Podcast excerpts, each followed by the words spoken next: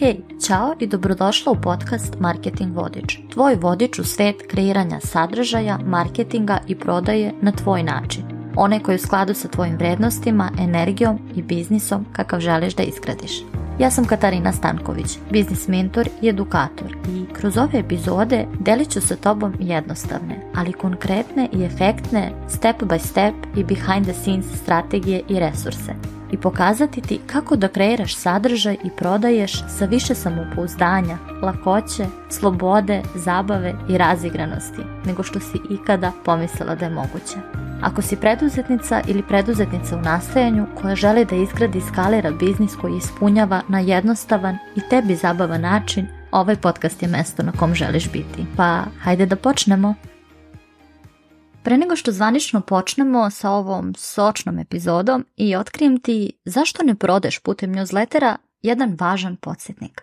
Sutra, 1.11.2023. zvanično počinje besplatni petodnevni izazov Magnet za kupce, na kome ćemo zajedno od početka do kraja kreirati tvoj prvi ili sljedeći lead magnet koji će na tvoj newsletter svakodnevno dovoditi ljude koji žele i spremni su da kupe od tebe odmah. Najbolje od svega, još uvijek nije kasno da se prijaviš. Izazov se dešava uživo putem Zooma i najbolji način da izvučeš iz njega maksimum jeste da se pojaviš uživo. I radiš male zadatke svakog dana. Zadaci su osmišljeni tako da ti ne oduzmu više od 15 do 30 minuta vremena dnevno. Međutim, ako iz bilo kog razloga nisi u mogućnosti da dođeš uživo, snimak će te čekati u zatvorenoj pop-up Facebook grupi, koja će biti aktivna sve vrijeme tokom trajanja izazova. Da učinimo stvari još zanimljivijim. Od svih onih koji završe izazov do kraja, odabrat ću tri osobe koje će osvojiti 30-minutnu 1 na 1 lead magnet feedback konsultaciju, na kojoj ćeš dobiti dodatne smernice za unapređenje svog lead magneta. Tako da budeš sigurna da u svojim rukama imaš resurs koji će na tvoj newsletter svaki dan dovoditi nove ljude. Više detalja o izazovu pročitaj na linku u beleškama ispod ove epizode. Na istom linku možeš se i prijaviti.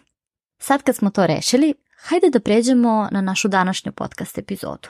Danas želim da pričamo o tri ključna razloga zbog kojih ne prodaješ putem newslettera. Ili prodaješ, ali ne onoliko koliko si očekivala kad si pokrenula svoj newsletter. Neću praviti veliki uvod jer ne volim praznu teoriju, pa hajdemo odmah konkretno. Prvi razlog zašto ne prodaješ putem newslettera uopšte ili dovoljno jeste taj što ne prodaješ ili predugo čekaš da prodaješ. Obično ovdje imamo dve situacije. Čekanje da dostigneš neki magični broj email pretplatnika da bi prodavala, jer misliš da ne možeš uspješno da prodaješ sa malom email listom. S druge strane imamo čekanje da daš dovoljno takozvane vrednosti da bi prodavala, jer misliš da je to preduslov da bi ljudi kupili. Naročito ovo drugo, čekanje da pošalješ dovoljno, što gotovo to dovoljno značilo, dovoljno besplatnih newslettera i gomilu besplatnih resursa kako bi sebi kupila pravo da počneš da prodaješ, zapravo te košta prodaje putem newslettera mnogo više nego što misliš. Hajde da adresiramo obe ove situacije. Najprije je čekanje da dosegneš određeni broj ljudi na newsletter listi za koji ti misliš da je neophodan da bi počela da prodaješ. Ovo je potpuno besmisleno. Još više je besmisleno zato što niko, osim ako im ti to ne kažeš sama, ne zna koliko ljudi ti trenutno imaš na svojoj listi. Ispričat ću ti jednu priču. Prvu prodaju putem newslettera imala sam sa svega 15 osoba na listi. Prvi newsletter poslala sam na sedam email adresa.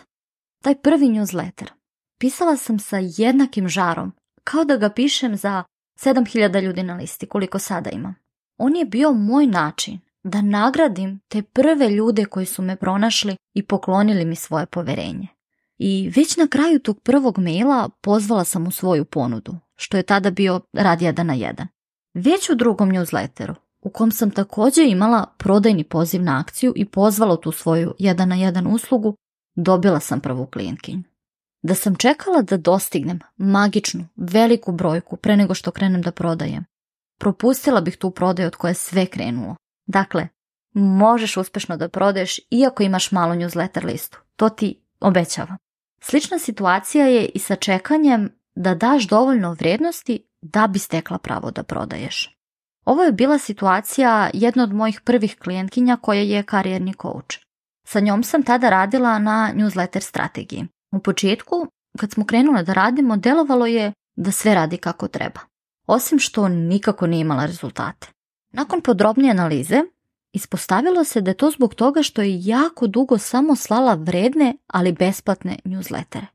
Čekala je da počne da prodaje tijek nakon što pošalje određen broj newslettera, u kojima je dala puno toga besplatnog pre nego što pomene svoju plaćenu ponudu. Kad je napokon krenula sa prodajom, niko nije kupio. I bila je potrebna duža, intenzivnija kampanja koju smo zajedno osmislile da prodaja konačno krene. Danas najviše polaznika na svoj program dovede sa svog newslettera. Ali je za to bilo potrebno duplo duže vremena nego što bi to bio slučaj da nije čekala da krene sa prodajom. Ako predugo čekaš da izneseš svoju ponudu na sto, tvoja newsletter zajednica ima utisak da si sve već podelila besplatno. Kada kasnije spomeneš svoju ponudu, niko neće kupiti ili će kupiti vrlo mali broj ljudi, jer sada oni očekuju da dobiju sve za džabe. A zašto? Ti si ih na to navikla. Kako ćeš znati da li je ovo razlog zašto ti ne prodaš putem newslettera? Rekla bih da postoje tri jasna pokazatelja.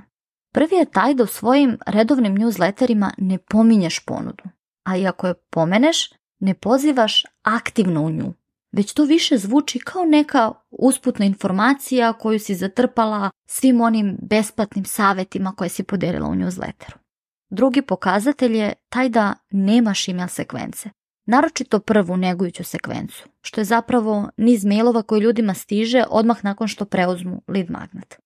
Ako je i imaš, ono što često vidim je da u njoj ljudi ne prodaju.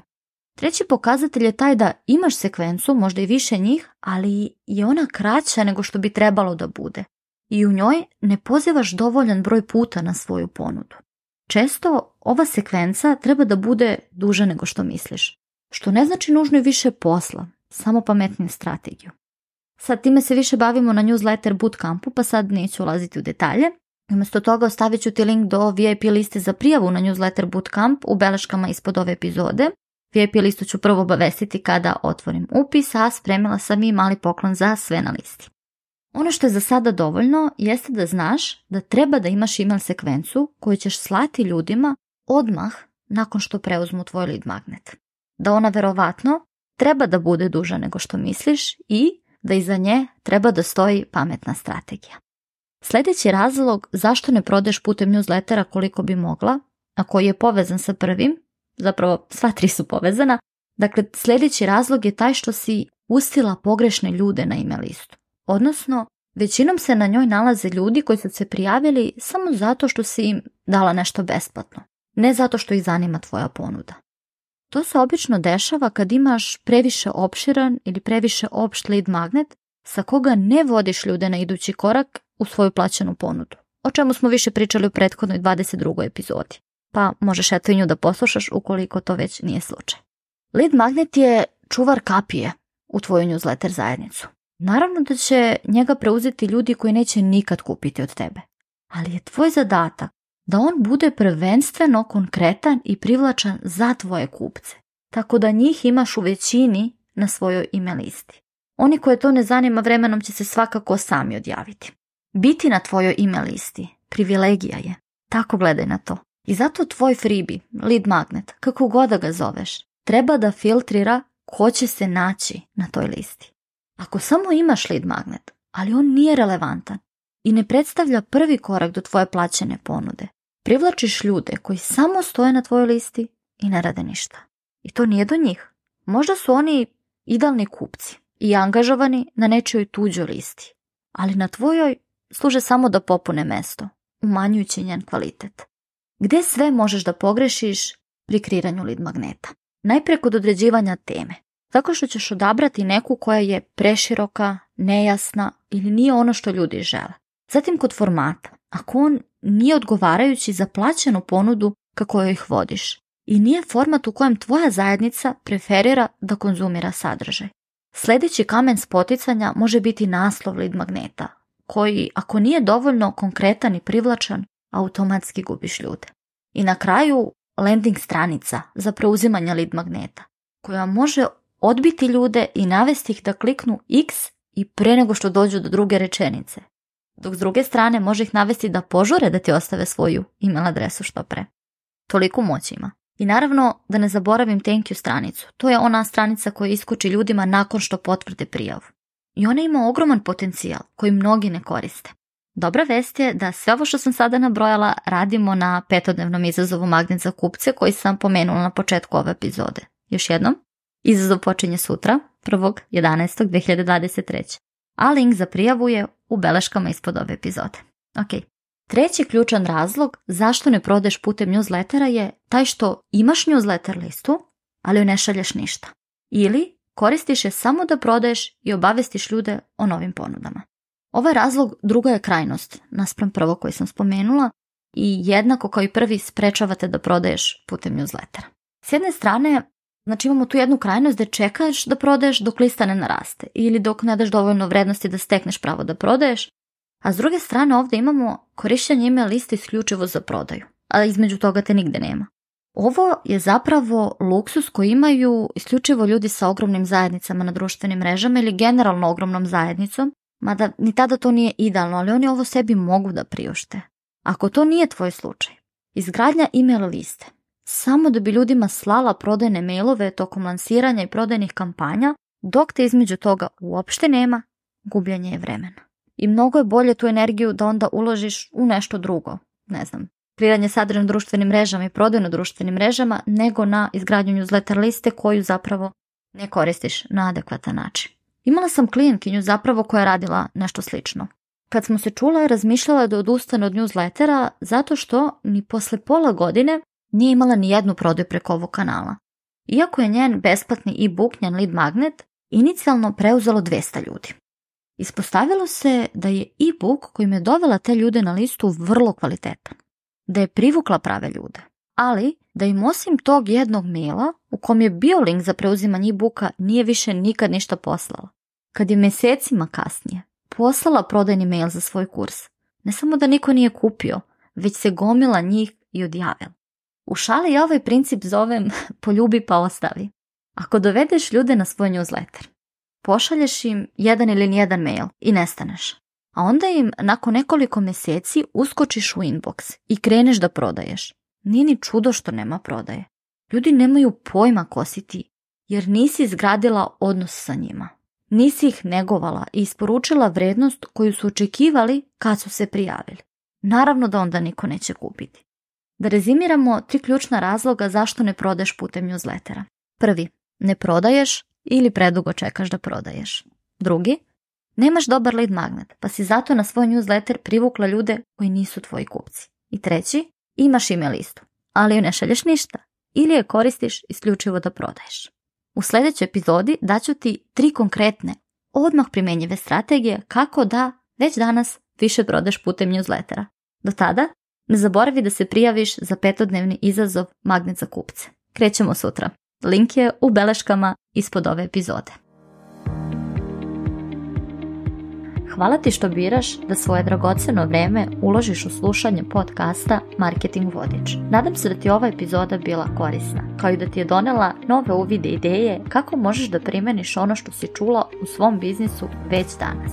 Ako ti se ova epizoda dopala, pozivam te da je oceniš i napišeš utisak na svojoj omiljenoj podcast platformi.